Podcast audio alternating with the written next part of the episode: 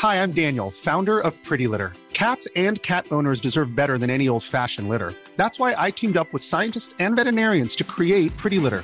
Its innovative crystal formula has superior odor control and weighs up to 80% less than clay litter. Pretty Litter even monitors health by changing colors to help detect early signs of potential illness. It's the world's smartest kitty litter. Go to prettylitter.com and use code ACAST for 20% off your first order and a free cat toy. Terms and conditions apply. See site for details. Ready to pop the question? The jewelers at BlueNile.com have got sparkle down to a science with beautiful lab grown diamonds worthy of your most brilliant moments. Their lab grown diamonds are independently graded and guaranteed identical to natural diamonds, and they're ready to ship to your door. Go to BlueNile.com and use promo code LISTEN to get $50 off your purchase of $500 or more. That's code LISTEN at BlueNile.com for $50 off. BlueNile.com code LISTEN. Life is full of what ifs. Some awesome, like what if AI could fold your laundry? And some, well, less awesome, like what if you have unexpected medical costs? United Healthcare can help get you covered with Health Protector Guard fixed indemnity insurance plans. They supplement your primary plan to help you manage out of pocket costs. No deductibles, no enrollment periods, and especially no more what ifs. Visit uh1.com to find the Health Protector Guard plan for you. I'm Sandra, and I'm just the professional your small business was looking for. But you didn't hire me because you didn't use LinkedIn jobs. LinkedIn has professionals you can't find anywhere else, including those who aren't actively looking for a new job but might be open to the perfect role, like me. In a given month, over 70% of LinkedIn users don't visit other leading job sites. So if you're not looking on LinkedIn, you'll miss out on great candidates like Sandra. Start hiring professionals like a professional. Post your free job on linkedin.com/achieve today. I'm amazed how many people own stocks. They, they would not be able to tell you why they own it. They couldn't say in a minute or less why they own it. Actually, you really pressed it down, they'd say the reason I own this is the sucker's going up. There's enough cash in the financial system, and there's an infinite amount of cash at the Federal Reserve. An infinite amount Put of cash. Put that check in a money market mutual fund. Then we'll reinvest the earnings into foreign currency accounts with compounding interest, and it's gone. So they had to do something. All they had left was just to print money and start buying things. And that's what they did. Quick buck artists come and go with every bull market, but the steady players make it through the bear market. They say money can't buy happiness. Look at the fucking smile on my face. Hej och välkommen till ett nytt avsnitt av Tillväxtaktiepodden Market Makers. Hur är läget med dig Fabian? Det är fantastiskt. Det har ju varit lite röda siffror här senaste veckorna, men det njuter man av. Benjamin Graham, den gamla värdeinvesterarräven, han eh, var väl han som myntade det här uttrycket med Mr Market. Han pratade om att Mr Market är en manodepressiv eh, aktieägare som ena dagen är han superglad och säljer aktier till väldigt höga, eller köper aktier till väldigt höga värderingar och nästa dag är han depressiv och säljer de här aktierna eh, superbilligt. Och just nu känns det som att han är väldigt bipolär och att det går väldigt, väldigt fort. Det är var och varannan dag. I fredags så var väl krypto ner liksom 20-30 procent, vissa valutor eh, kryptovalutor och många aktier ner 6-7 procent. Däremot index upp 2 procent, så det var en jädra slakt. Bevisar att man kanske kan slå index ändå över tid. Eh, och idag studsar allting upp igen och det känns som det har varit så varenda dag. Det är en riktig berg och just nu. Det gäller ju att eh, verkligen i sådana situationer sitta kanske still i båten, om man inte försöker ta nyttja, nyttja de här typen av eh, rörelser då, förstås. Men för oss som inte är så duktiga på det så är det bäst att bara sitta still tror jag och eh, inte paniksälja på botten nu. Det som är intressant, det är exakt det här som Stanley Druckenmiller sa skulle hända i slutet av 2020. Han sa ja, 2021 och kommande kommer vara extremt volatila. Han trodde inte nödvändigtvis på att det skulle vara någon krasch eller liknande som många andra tror, utan han trodde att det vi kommer se är extrem volatilitet, eh, högre än vad vi har sett senaste tiden och det kommer vara en stock pickers market. Och det är exakt så det spelar ut sig. Absolut. Däremot det där med att det är en stock pickers market, det får man alltid kritik för när man säger, för att det gäller ju alltid. Det går alltid att överprestera i alla perioder om man är en stockpicker. Så det är det tröttaste man kan säga, och säga att nu är det bra tid för stockpicking. Men så är det. Det är sant också och det är det den här podden lever på. Och vi har ju faktiskt ett case den här veckan som vi ska ta upp. Veckans case är ju Physitrack. Vi brukar ibland prata två case, men idag kommer det bli ett case, för jag vet att du har skrivit lite makro och kryptogrejer som du gärna vill ta upp, som kommer äta upp all tid. Men Physiotrack, det är ett superspännande SaaS-bolag för fysioterapeuter. Där jag tror att det finns ett litet case i just att eh, många kanske inte har grävt så mycket i de siffrorna. Sen tänkte vi också introducera en grej vi kallar veckans topp tre. Bara ta upp tre stycken observationer eller saker som vi vill lyfta upp och prata om. Det kommer bli korta, det kommer bli långa grejer. Eh, egentligen inga konstigheter. Men det kommer vi dra innan caset också. Men innan vi gör det så ska vi säga som vanligt att det inte är någon rådgivande rekommendation. Vi berättar om vår process, hur vi tänker, men du måste alltid göra din egen analys. Och glöm aldrig att alla investeringar är förknippade med risk. Denna vecka kan vi återigen presentera vår fantastiska sponsor Fidelity International, den internationella armen till den legendariska firman där bland annat Peter Lynch spenderat majoriteten av sin karriär. Fidelity är en av världens största förvaltare med brett urval av fonder och man fokuserar på aktiv förvaltning inom både aktier och räntor. Detta rör sig inte bara om amerikanska fonder, utan man har fonder som investerar på alla världens marknader, där man satsar hårt på lokal närvaro. Från Chile till Sydney för att få en edge. Ja, man finns till och med i Sverige, där man har huserat i snart 25 år. Och hela Fidelity Internationals utbud hittar ni på deras hemsida fidelity.se eller på någon av de stora handelsplattformarna och försäkringsbolagen. Så gå in på din bank idag och leta upp någon av Fidelitys många fonder. Kom ihåg att alla investeringar kan både öka och minska i värde. Det är viktigt att läsa prospekt samt KIID-dokument och investeringar på tillväxtmarknader kan vara mer volatila än i mer utvecklade marknader. Vi säger stort tack till Fidelity. Ja, veckans topp tre som jag kallar det här för. Då. Egentligen bara tre stycken små observationer som jag och du har gjort under veckan. Och Det första det har just att göra det här med slakten på börsen, som man säger. Eh, och Det finns en stor diskrepans här mellan eh, vad folk upplever i sina portföljer och vad index eh, signalerar för någonting. Som sagt, i fredags var det jättemycket av de här kända heta techbolagen som var ner kanske 6-7 procent eh, på dagen, medan index var upp 2 procent. Det säger ganska mycket om hur stor skillnad det har varit eh, på vad folk äger just nu, eller man kan, jag kan inte prata för alla förstås, men väldigt många till exempel på Twitter och så, och många som gillar tillväxtaktier som vi gör och så. Eh, just nu lever de ett helt annat liv än vad index gör. Och det har de gjort innan också, bara det. Då levde de ett liv där de gick mycket bättre än index hela tiden och då var det superkul att äga dem. Det är därför alla äger dem nu. Men när de går sämre än index så tycker folk lite tråkigt. Eh, och Det här har väl mycket att göra. Jag gissar på att det har såklart, såklart att göra mycket med inflationsspöket som man pratar om. Man är rädd för inflation. Det har gjort att räntorna dels har gått upp till viss del. Eh, och det gör ju då att just framförallt olönsam tech, vi gillar ju lönsam tech du och jag. De ska gärna tjäna pengar. Det känns som en bra liksom, säkerhetsmarginal att få in när man har, tjänar faktiska pengar. Men de som inte gör det, eh, de har ju liksom inte något utrymme egentligen. Att, eh, man klarar inte av en, en, en, högre ränta. För att det är ju så rent matematiskt. Och ränt, går räntan upp så kommer banker och så vidare justera ner sina aktiepriser, eller förväntade aktiepriser, sina såna diskonterade kassaflöden. Så aktierna måste ner i värde.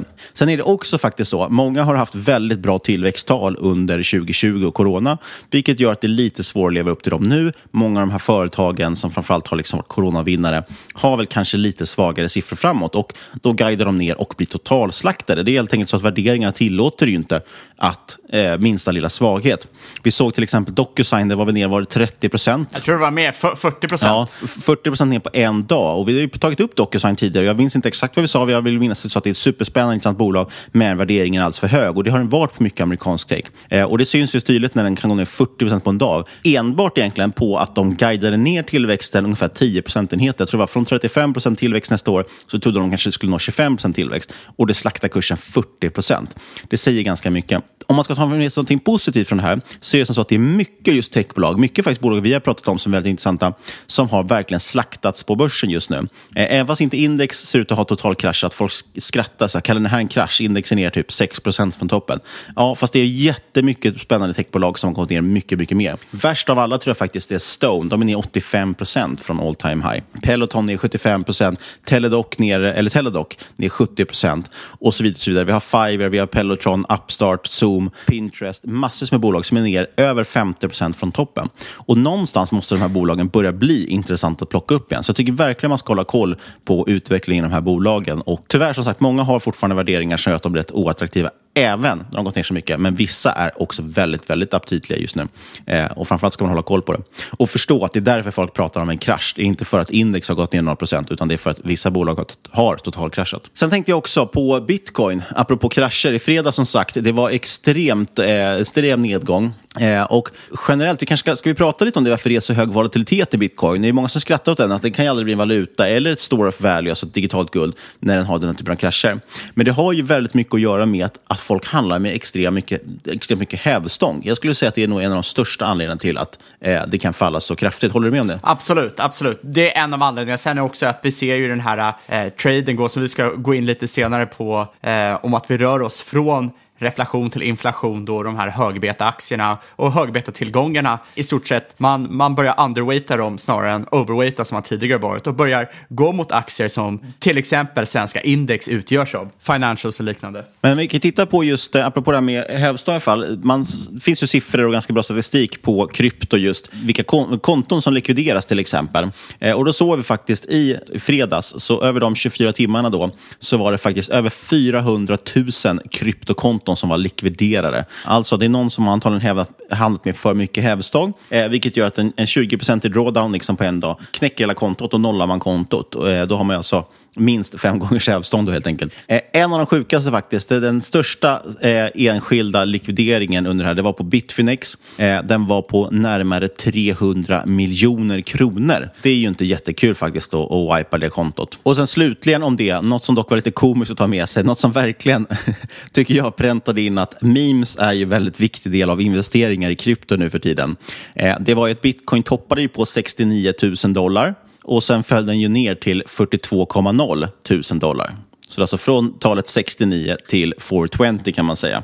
Eh, och det säger väl egentligen allt man behöver veta om kryptomarknaden kanske. Ja, och det här leder ju in på vår tredje topp tre den här veckan som eh, avhandlar både makro och framförallt makro och hur det förhåller sig till krypto. För vi har ju sett nu senaste veckan att Fed har ju kommit ut med att inflationen inte längre är övergående. Ja, vi stannar två sekunder på det bara. Alltså, bara för att förtydliga för de som inte håller stenkoll på vad Fed säger. Man har ju hela tiden pratat om att vi har inflation nu, den är lite extrem. Det beror på framförallt logistikkedjan och så vidare och, och pandemin. Men man har hela tiden hållit sig fast vid ordet transitory, det är en övergående inflation. Det är många som har skrattat åt det och sagt att nej, den är inte alls övergående och Fed säger att den är övergående och nu har man släppt ordet övergående. Och det, är, kan, det låter som en, som en petitess, men det får ganska stora konsekvenser för makrobilden. Ja, och det här tillsammans med den nya covid-varianten och mikron och att Fed har sagt att de nu ska accelerera tapering, det vill säga att de ska minska takten som de köper tillgångar inför en möjlig rate hike. Ja, då har ju sett, satt hela marknaden ur spel, skapat väldigt hög volatilitet.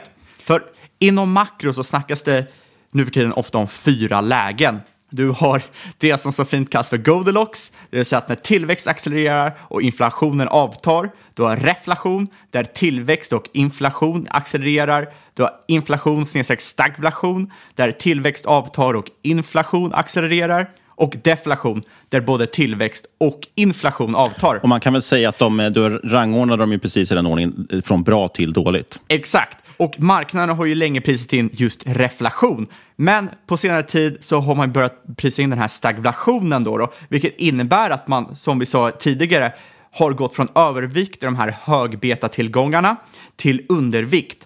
Och det här i samband med just omikron och den här taperingen är lite av en double whammy. Dessutom ser man nu en risk för potentiell deflation sex månader ut. Vi har eventuellt nått peak supply chain disruption. Man ser att både slower supplier delivery times och ISM price indices eh, har börjat ticka ner. De har tickat ner på lägsta nivå på flera månader. Känns som vi måste stanna här, för det här tror jag, många hänger säkert med, men, men en del tror jag också tycker att det här är, är mycket nu eh, finanslingo.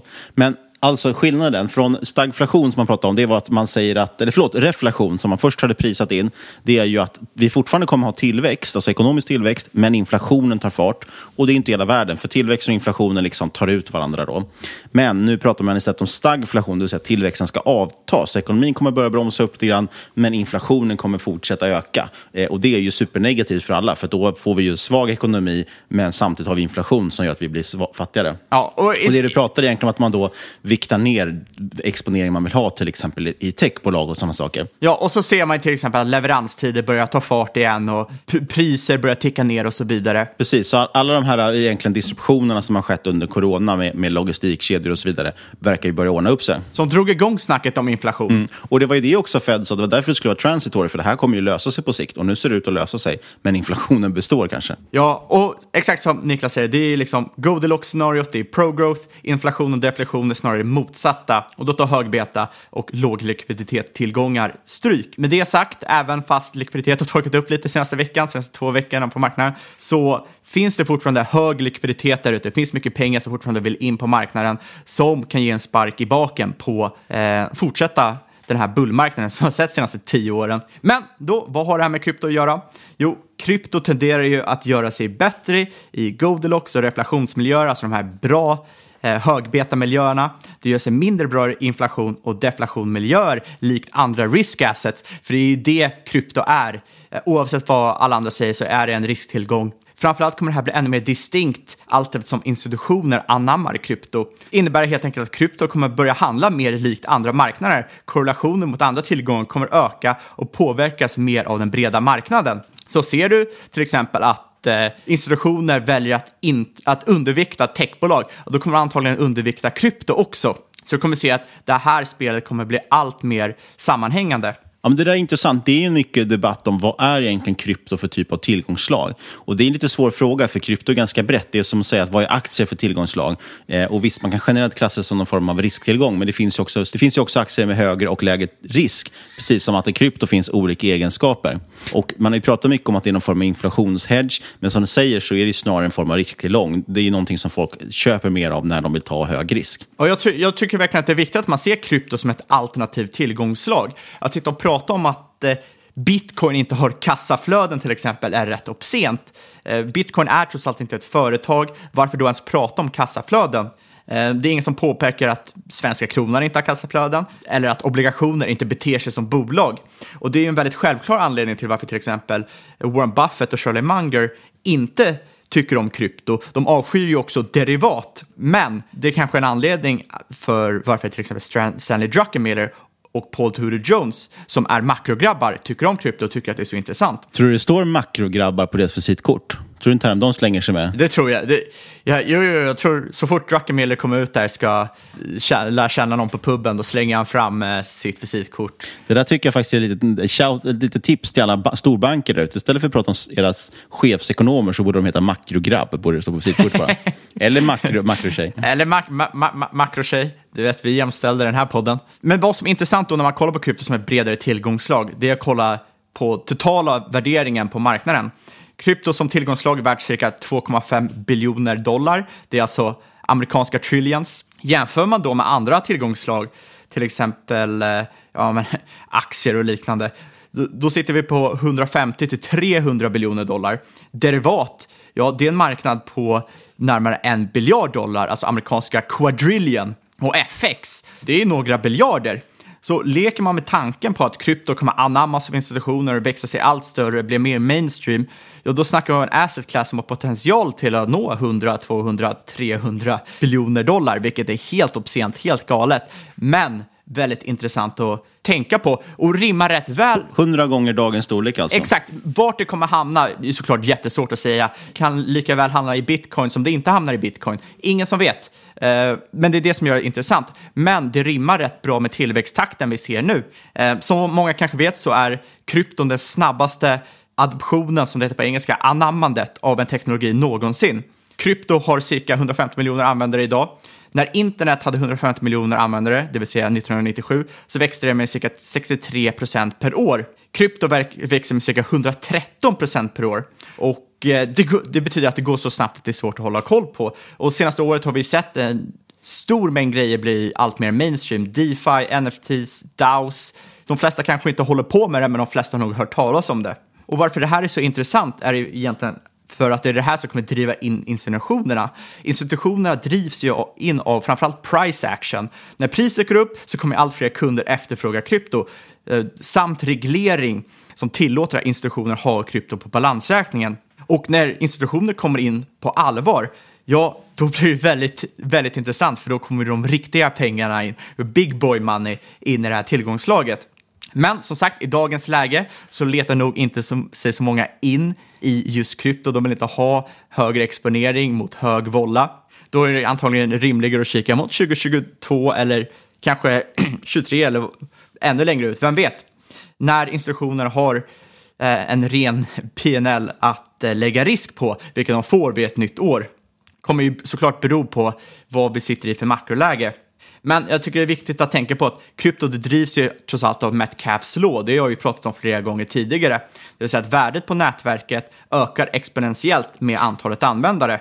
Krypto är ju som sagt ett renodlat nätverk, medan till exempel Facebook och andra bolag som verkar på nätverk egentligen bara är derivat på nätverket.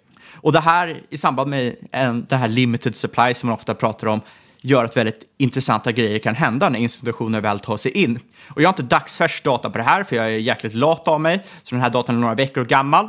Men jag antar att det ser rätt liknande ut. Cirka 10% av all tillgänglig ETH, eh, alltså kryptovalutan på nätverket Ethereum, ligger på exchanges, alltså öppen för handel. Resten ligger i smart contracts, DeFi, wallets, staking för att få yield. Och framförallt inför ETH 2.0 som eh, förväntas släppa senare i år, eh, början på nästa år. Och det här gör att ETH är otroligt intressant eh, enligt mig.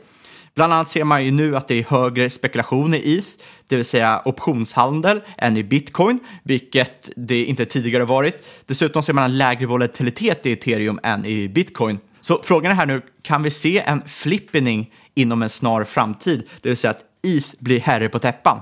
Ah, jag vet egentligen inte om det är ett ja eller nej. Vi kanske är i en begynnande 90% korrektion som man måste förbereda sig i krypto. Men jag tycker att ETH är väldigt, väldigt intressant ur kryptomarknadssynpunkt när det kommer till risk-reward. Ja, det är intressant ju. Alltså, ethereum har ju varit stadigt tvåa länge sett till market cap inom kryptovalutor och bitcoin etta. Den här flippening är alltså att bit, eller ethereum då skulle gå om bitcoin. Ja, jag har lite svårt att tro det, men det är väl mycket just för att bitcoin idag i alla fall är ganska, jämfört med de andra valutorna, ganska stort inom ändå institutioner. Eller har mer institutionellt ägande, men eh, det där kan ju ändras ganska fort. Framförallt är det ju just DeFi och de här sakerna som driver in folk i ethereum. Det är också det som driver på att, att Solana har blivit så pass stort. Det är väl uppe på fjärde plats eller någonting. Och är en av de som jag kanske är mest bullish för, just för att det gör, gör ju allting som ethereum gör, men hundra gånger snabbare och smidigare. E-, exakt, och eftersom de här nätverken drivs av Metcalfs law, finns det mer saker att göra på nätverket kommer det växa galet mycket snabbare. Precis, ja, för bit, bitcoin har ju egentligen, visst nu det finns layer 2-lösningar som gör att det går att handla med det smidigt som en valuta. Det finns också nu förslag eller lösningar för att kunna köra till exempel smarta kontrakt och så på det. I grund och botten är fortfarande en bitcoin en, en dum valuta eller en dum tillgång, liksom, till skillnad från ethereum och till exempel Solana eller Cardano eller vad det är för någonting. Där man faktiskt kan göra mycket mer. Vi, vi, vi, vilket med all rätt är det man vill att bitcoin ska vara. Men det gör ju också att utvecklingen är långsammare än på till exempel ethereum och framförallt på Solana. Men om vi leker lite med tanken på att vi, den här bear marketen fortsätter, att vi är i en korrektion och eh, eller ja, bear market fortsätter, vi är i begynnelsen av en bear market. Vad kan möjligtvis hända då? Först och främst tror jag att DeFi kommer att explodera. Det har ju redan exploderat under 2021, men jag tror att det kommer bli allt större i och med att folk kommer vilja ha en avkastning på sina holdings. Eh, de vill kunna få en yield genom att stejka nätverk, yield farming, man kommer se nya yield-produkter poppa upp och detta kommer cementera och hålla uppe de olika communities som uppstår till exempel runt ethereum. Och då kommer ju frågan varför pratar vi så mycket om communities? Vi pratar om det i sommaravsnitten, i krypto som infrastrukturavsnittet. Jo, vad är, när vi pratar om yields, vad är egentligen en obligation? Det är ju egentligen bara ett lån till en viss community. Oavsett om det här communityt är en stat, en kommun eller ett företag utbyte mot en förbestämd avkastning till dig som lånar ut pengar.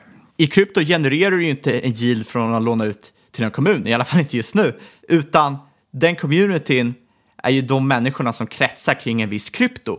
Och det som är intressant här är att egentligen ser alla communities rätt likadana ut. Hela världen drivs av communities. Man har mål, det finns någon typ av ledarskap, det finns någon typ av värdeutväxling. Och den här värdeutväxlingen kan se väldigt eh, annorlunda ut. Det kan vara dollar i den amerikanska staten. Det kan vara att man biktar sig så man kommer till himlen i kyrkan.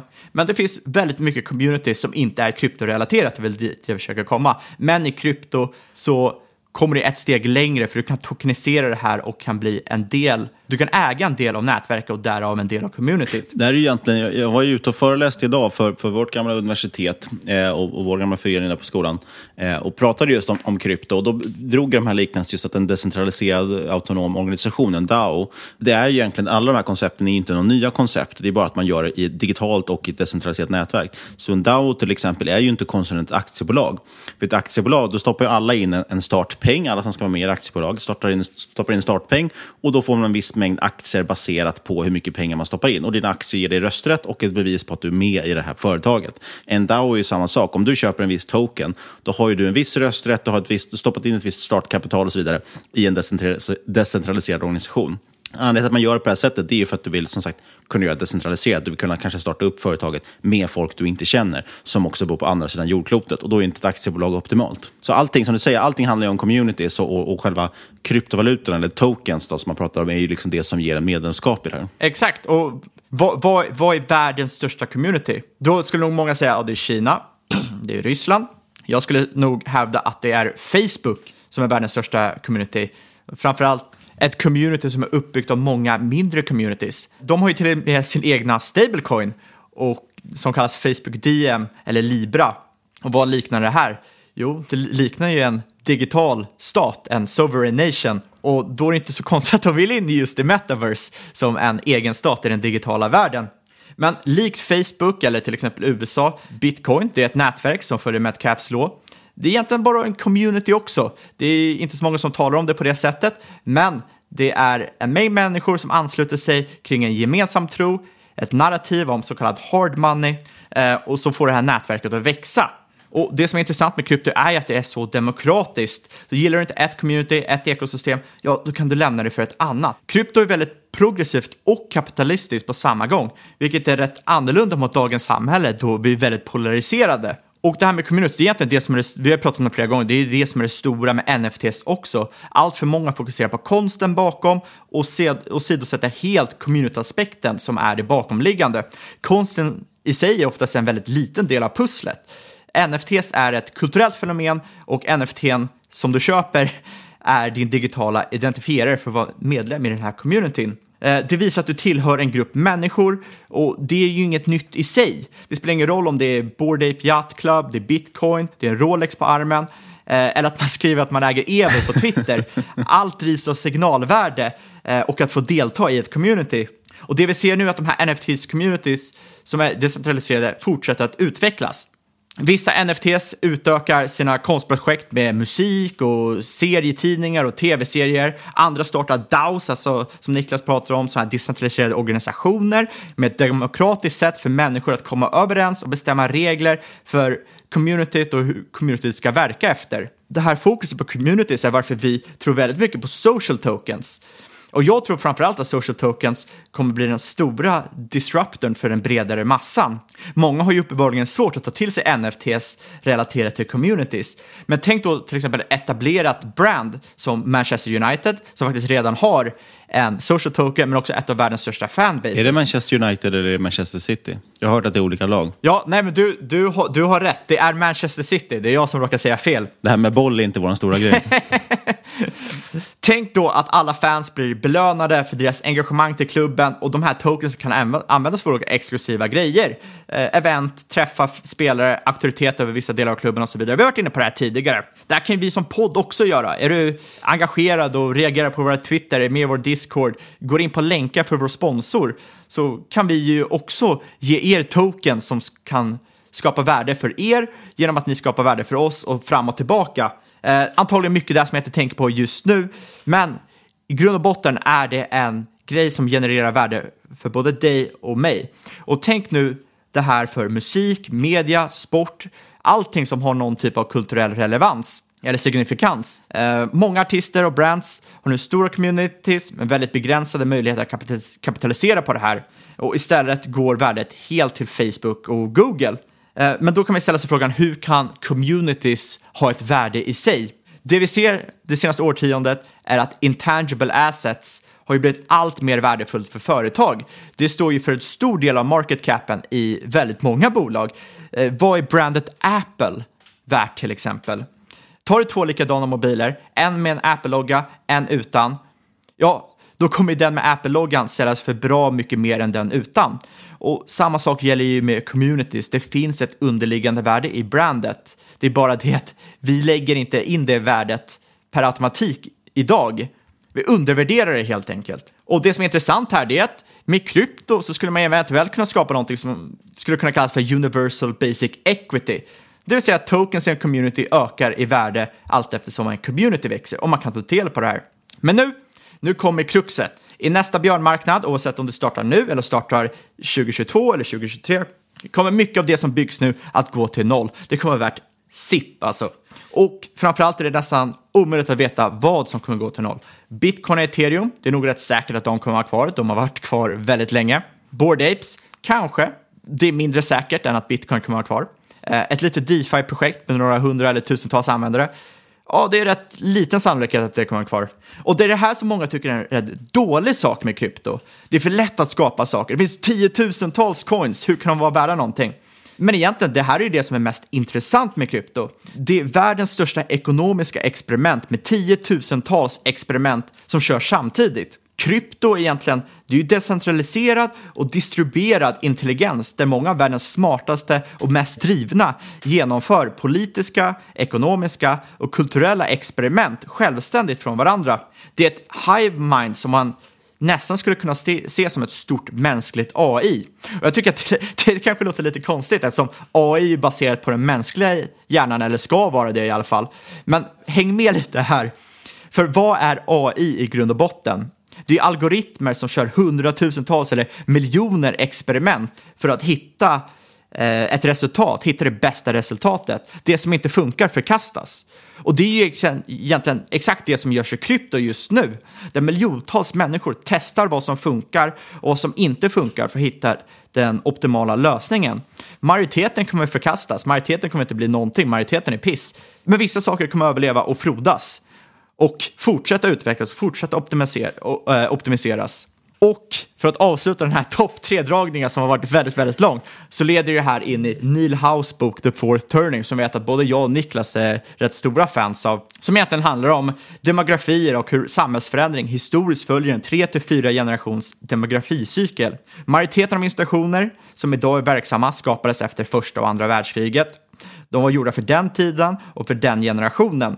Men för dagens generation och generationer så är den rätt frånkopplad från den här tiden. Känns rätt förlegad i mångt och mycket. Och det här till, det skapar polarisering, det skapar många problem i samhället som vi ser just nu. Och det här leder till en återskapelse av institutioner, stater och ekonomier och mycket mer. Och exakt hur det här kommer se ut är rätt svårt att se. Men vi lever i en väldigt, väldigt intressant tid. Jaha, hur följer man upp det där då? Det känns lite tokigt att komma och börja prata om fysioterapeuter nu.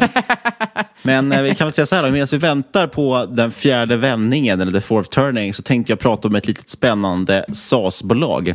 Eh, och det är ju Physitrack, det är veckans case då egentligen som vi tar med. Eh, och Physitrack, som sagt, grund och botten ett helt vanligt SAS-bolag, vi har varit inne på det förut, alltså software as a service, man säljer prenumerationstjänster. Kom till börsen här tidigare i år, har väl inte gått jättestarkt, man är väl i princip kvar på IPO-kursen, nu var den upp lite grann idag då, men annars har man i princip varit kvar på IPO-kursen, så den har liksom inte dragit iväg jättemycket. Men i grund och botten så är det framförallt mjukvara för fysioterapeuter. Det är grunden. Det är, är, är bland en svensk grundare. Jag är faktiskt osäker på om båda två är svenska. Men bolaget däremot är noterat i, eller förlåt, är ju registrerat i England. Så det är ett engelskt bolag men noterat i Sverige. Båda de två grundarna äger fortfarande ungefär 20-25 procent av bolaget var. Eh, så att det finns ett klassiskt pilotskolan som det så fint heter. De har utvidgat lite till annan business senare också. Men vi kan börja med fysioterapeutspåret. Hela egentligen affärsidén grundar sig i att när man liksom förr i tiden gick till en sjukgymnast eller fysioterapeut så behöver man få en viss sjukgymnastik som man ska ordinera, som man ska ta med sig hem. Och då fick man det på penna och papper. Alltså det var oftast en, en kopia från någon bok. Jag har även hört om en del som själva ska behöva rita med penna och papper. Då finns det någon form av inlärningstanke där, kanske något pedagogiskt, att man ska rita övningen. Eh, men man ska ta med sig övningarna hem och sen är det väldigt svårt för fysioterapeuten egentligen att följa upp om man har gjort de övningarna eller inte. Och det är också väldigt svårt för patienten att få hjälp med övningarna, för man har ju de här liksom, kopierade bilderna som man ska försöka titta på. Så de har egentligen tagit fram en mjukvara för att lösa det här problemet. Där har man bland annat över sen filmade och eh, liksom, eh, övningar med där man också går igenom och förklarar själva övningen. Så kan patienten titta på de här i sin device of choice. Sen har man också massvis med andra funktioner, till exempel en telehälsofunktion, det vill säga du kan ha Zoom-möten, om vi nu vill kalla det så, via det här, eh, med då såklart inbyggda verktyg där till exempel sjukgymnasten kan sitta och mäta lite sånt på skärmen så man kan se vinklar och sådana saker så det ser korrekt ut. Eh, man har integrationer mot journalsystem så att man faktiskt kan liksom snabba upp arbetet administrativt. Men även förstås vissa analysfunktioner för att kunna kolla, har patienten verkligen följt upp det här, hur har det gått och så vidare. Och så vidare. Så massor med verktyg egentligen som gör eh, fysioterapeuternas liv enklare och också patienterna ganska basic grej egentligen. Eh, det som är jäkligt kul här det är att man i princip har finansierat det här utan riskkapital. Man har tagit in väldigt, väldigt lite pengar längs vägen. Utan man har istället fokuserat på att växa lönsamt. Vi pratade om det tidigare, här, ett bolag som har olönsamma slaktas ganska hårt. Eh, och du och jag gillar lönsamma bolag. Jag verkligen älskar eh, vdn för det här bolaget när han pratar om det här. För att han är verkligen så som jag vill att en entreprenör ska vara. Där man, där man drivs av att finansiera saker själv med sitt eget kassaflöde. Så att de har drivit det här hela tiden. Det har alltid varit fokus på lönsamhet och fokus på att växa med sitt eget kassaflöde. Det man egentligen haft är att man har från dag ett byggt för skalbarhet. Så man har hela tiden byggt för att allting ska kunna skala. Lite kanske hybris för att de två grundarna tyckte att de var ju redan så duktiga på allting. Så hur ska vi kunna anställa någon som är bättre än oss? Alltså byggde de allting istället väldigt automatiserat efter deras rutiner så att Eh, de inte skulle behöva vara så beroende av ny personal. Det har dock gjort att man har haft väldigt hög lönsamhet som sagt och man har också haft väldigt bra skalbarhet. Så till exempel under corona, då var det ju liksom, helt plötsligt började fysioterapeuterna liksom flöda in den här, eh, efter den här eh, applikationen. Och då kunde man ta emot ibland hundratals ansökningar liksom i timmen. Eh, folk som ville testa den appen. Och då var den byggd för det. Så den skala, hela onboardingen, allting var redan helt automatiserat. Så det var liksom inga problem att hantera det om man är rätt stora idag, man har över 100 000 kunder i över 100 länder. Eh, så det är en ganska liksom stor, man är världsledande här. Det finns i princip ingen konkurrens att tala om, utan den konkurrensen man talar om är penna och papper. Alltså det är fysiska papper som är största konkurrenten idag. Sen betyder inte det att det inte finns andra små konkurrenter och det betyder inte att det finns, kan komma konkurrenter, men, men man ser just nu att majoriteten av de få konkurrenter som finns är antingen antingen inte tillräckligt bra eller om de är tillräckligt bra, då köper man upp dem. Eh, och Det gjorde man faktiskt i samband med så att man gick till börsen. Så köpte man bland annat upp sin största konkurrent precis innan IPO. Missförstår jag nu, eller är Physitrack som ett Karacent och ett Teladoc sammanslaget? Ja, lite kan man väl säga, men fast, fast Carasent är mer journalsystem och Physitrack är inte i sig ett journalsystem. De har integrationer mot journalsystem. Här handlar det framförallt om en väldigt specifik nisch, att den typen av arbete som fysioterapeuter behöver, det är det man erbjuder. Och det är framförallt väldigt mycket fokus på att kunna leverera övningar till sina patienter, kunna följa upp att de har gjort dem och hjälpa dem också att, att utföra dem. Så det handlar mycket mer om fokus på sjukgymnastik, liksom, att lösa det eh, på ett så digitalt sätt som möjligt istället för att som sagt skriva ut ett papper, patienten går hem, struntar i att göra övningarna och sen kommer de tillbaka efter en månad eller kanske inte kan komma tillbaka på grund av corona eller vad som helst. Då kan man göra det digitalt istället via appen. Eh, så de, de löser framförallt egentligen allting runt omkring som inte är kopplat till journalsystemet. Sen tar man viss data ifrån och ibland och pushar in i journalsystem kanske och integrerar med dem för att man ska då minska administrationen. Men det handlar framförallt om det här hands-on-arbetet. Man har en churn som ligger på ungefär 2% per månad. Jag tror det ligger på 1,8 eh, Det blir ju på ett år då ungefär 20 churn. Eh, det anses lågt i branschen. Jag har svårt att jämföra det med någonting. Eh, det indikerar ju då att man tappar, alltså att en kund har ungefär en livstid på fem år. Eh, och det låter ganska rimligt. Man har generellt, skulle jag säga, ganska stickig kontrakt. Det är stora organisationer. En stor kund till exempel i NHS, alltså ja, vad det nu står för. Det är brittiska liksom, hälsovårdssystemet. Eh, det är en stor kund till exempel. Så att man har väldigt mycket sån typ av stick i kontrakt. Eh, jag upplever också att man har fått ner att, att stora kunder står inte alls för så himla stor del av eh, omsättningen. Så det tycker jag inte heller man ska oroa sig för. Men det är väl kanske en av de annars större riskerna. Och jag sa att man har 100 000 kunder ungefär i dagsläget. Man estimerar att marknaden eh, ligger kring 1-2 miljoner klienter. Eh, så att man har ungefär 10-20 gånger mer man skulle kunna växa om man tog över 100 av marknaden, vilket vi kan utgå från att eh, ant, eh, sannolikheten att de gör det är väl 0% Men det är i alla fall där tammen, som det så fint heter, ligger den maximala gränsen kanske. Det man däremot har gjort, man har som sagt fokuserat på lönsamhet. Man har ett e- ebitda-mål om 40-50 procents ebitda-marginal eh, och man vill även uppnå 30 procent årlig organisk tillväxt. Men det som gör det intressant är att man har ju historiskt växt mycket mer. Eh, snitttillväxten har istället legat kring 90 procent och det är ju för att man också har haft förvärvad tillväxt. Så dels förvärvar man en av de största konkurrenterna innan IPOn och man förvärvade också ett bolag som heter Rehab Plus. Och det här är lite intressant, för att det man såg det var att man tyckte att okay, men vi har byggt det här verktyget som är svinbra för att leverera liksom, digital, digital sjukgymnastik. Men skulle vi kanske kunna leverera sjukgymnastiken själv? Kan vi istället bli liksom en Kry eller doktor.se för sjukgymnaster själva istället för att våra kunder ska vara det? Och man höll på att dividera fram och tillbaka, man såg att det fanns enorma liksom, marginalförbättringar som man kunde göra. Men man insåg att ska vi gå den vägen så måste vi förvärva ett bolag och då köpte man upp något som heter Rehab Plus. Eh, och därmed har man då gått in i en ny vertikal, då kan man väl säga. Så att man är helt enkelt inne i den nischen att själv leverera de här tjänsterna, givetvis med sitt verktyg. Eh, och Det här har faktiskt gett jättebra resultat. Man har inte haft det här förvärvet så länge, men man ser enorma potentialer och har redan börjat förverkliga en hel del i form av marginalförbättringar. Eh, så att mycket i det här bolaget handlar hela tiden om att, man har, är väldigt, väldigt duktiga på att, att kräma ut marginaler och man är väldigt duktig på att upprätthålla tillväxt liksom, och, och, och skala det här hela tiden. Det som gör då, tror jag, att den här aktien kanske har gått lite svagt eller är kvar på IPO-kursen i princip, det är väl mycket att man, man pratar väldigt mycket om lönsamhet och tittar man, gräver man inte siffrorna så ser man att bolaget är lönsamt. I och med att man gjort mycket M&A och precis innan IPO går man gör två stora förvärv, ja, då har ju det pressat marginalerna. Så att tittar man på det just nu så ser det inte lönsamt ut, men bolaget bakom, det liksom organiskt så att säga, är lönsamt och bolagen man köper upp är lönsamma. Men i och med att du gör förvärv så se, får du liksom förlustsiffror. Eh, och I och med att du har varit så kort tid på börsen också så är det bara de siffrorna folk tittar på. Så här måste man liksom räkna lite grann själv och gräva lite under huven. Och det tycker jag faktiskt det ser ganska aptitligt ut. Sen är det som allt här i världen, det är fortfarande en ganska hyfsad multipel på det här. Ja, det är PS12 ungefär på det här bolaget. Ja, men precis. Tittar vi på price to sales sales på senaste 12 månaderna, då, då blir det PS12 någonstans. Eh, P talet ligger negativt. Låt oss, om man knappar in siffrorna, 2021 har bara ett kvartal kvar att rapportera. Och tittar vi in på det så kommer man klocka in på nästan 150 procents tillväxt. Det är att ens, den årliga snitttillväxten de senaste fyra åren ligger på över 100 procent, närmare 110 procent. Bruttomarginalen kring 50 procent. Och det man kan laborera med här då, det är att sätta in en liten en, en, en vinst marginal på det här också. Nu kommer de ju antagligen gå back för helåret på grund av M&A. Men om vi bara titta på, de har ett mål om ebitda-marginal på 40 procent. Vi borde kunna få ner någon form av vinstmarginal på kanske, tycker jag, 20-30 procent på sikt i det här, om vi nu inte har fler förvärv. Men det lär vi antagligen få in i bolaget, kan jag tänka mig. Men låt oss bara slå in att de skulle få lite knappt 10 procent vinstmarginal på det här, bara för att få någon indikation av vad det skulle ge för P tal eh, Då skulle P talet ligga på 100 i år. Och det låter ju också ganska dyrt. Men för ett bolag som växer 150 procent så tycker jag inte att det är så himla farligt. Speciellt inte när man kan upprätthålla det här. Och slår man bara ut där fram... Det ger, ger, ger en rätt fin, eh, fint PEG-tal. Det skulle ju få Peter Lynch att salivera. Ja, och jag har räknat lite grann på det här. Nu sagt, det är helt, håller mina siffror, så ta dem en nypa salt och gör din egen analys som det så fint där. Låt, tittar vi ut på låter 2021 spela ut som det har gjort nu, men sen så räknar vi två år framåt. Då. Och då växer de sina 30 procent per år organiskt, det vill säga att vi har inga till förvärv.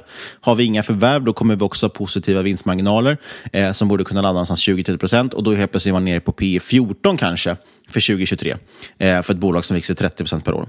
Eh, det är antagligen ganska optimistiskt räknat kan jag tänka mig, eh, men, men det, det, jag tycker också att det känns eh, inte är helt orimligt och jag tror framförallt att det kommer komma in en del förvärv där också. Så jag tycker det är ett ganska intressant case. Jag äger också lite aktier här ska ju tilläggas.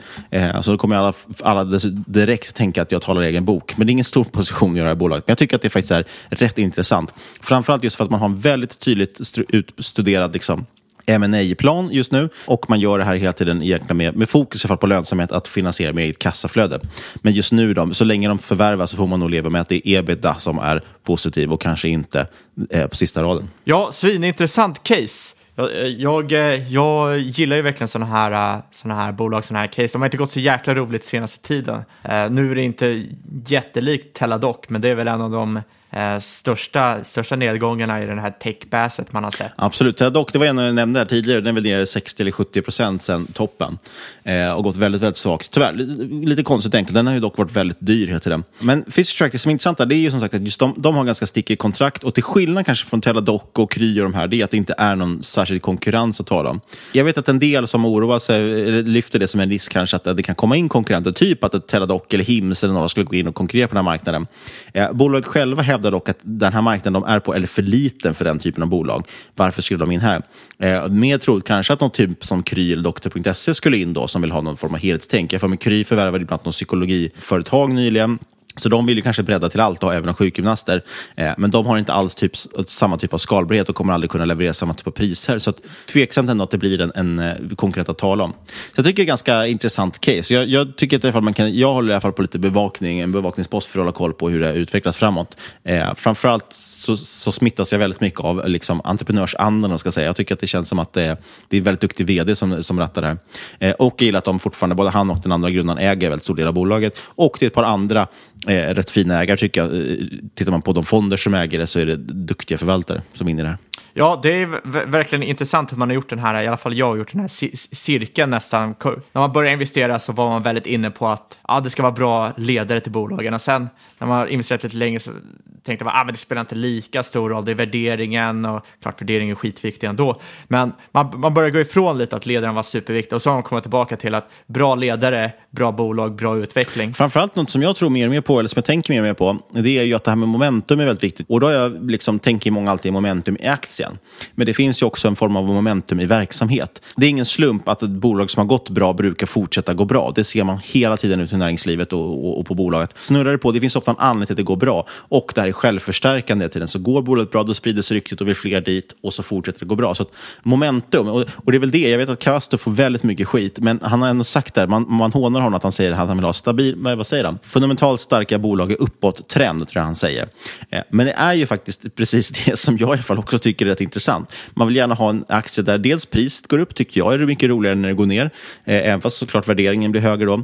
Men så vill man också att de ska vara starkt fundamentala. Och i uppåttrend tycker jag också som sagt spelar in även på det fundamentala. Det vill säga bolaget ska ha en medvind helt enkelt. Det är mycket roligare att, att äga och investera i ett sånt bolag. Absolut, jag tror många verkligen underskattar momentumet i fundamenten i ett bolag. Det är otroligt svårt att vända ett bolag. Det är otroligt svårt att vända skutan och det är därför många vd som kliver in i sjunkande skepp och helt vänder dem blir liksom nästan till kändisar. Jag, jag, jag menar, och nu kommer inte jag ihåg vad han heter såklart, men Eh, en av anledningarna varför Domino's Pizza har levererat så otroligt bra senaste årtionden och överavkastat, i alla fall senast jag kollar i stort sett hela fangligan, det var ju för att fram till 2010 där ungefär, så Domino's Pizza var ju nära på konkurs. Det var ju ingen som käkade, det var ju värdelöst. Och då tog de in en ny vd som helt gjorde om organisationen, som helt byggde om deras logistikkedja, byggde om deras produkt, eh, digitaliserade dem och efter det så, har ju det, så började fundamentan få momentum, eh, bolaget fick momentum och det gjorde ju att aktien kom igång som följd.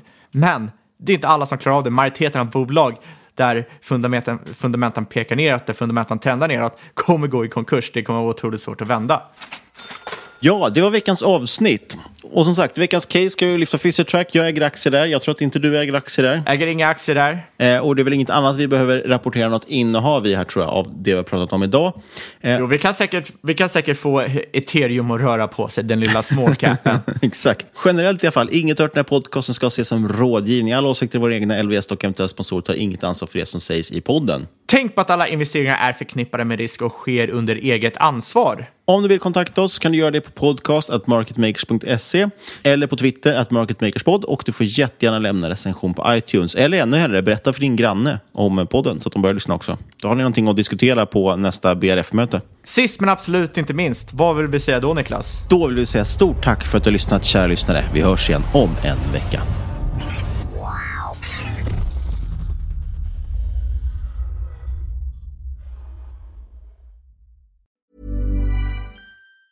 Hi, I'm Daniel, founder of Pretty Litter. Did you know cats tend to hide symptoms of sickness and pain? I learned this the hard way after losing my cat, Gingy. So I created Pretty Litter, a health monitoring litter that helps detect early signs of illness by changing colors, saving you money and potentially your cat's life. Pretty Litter is veterinarian developed, and it's the easiest way to keep tabs on your fur baby's health right at home. Go to prettylitter.com and use code ACAST for 20% off your first order and a free cat toy. Terms and conditions apply. See site for details.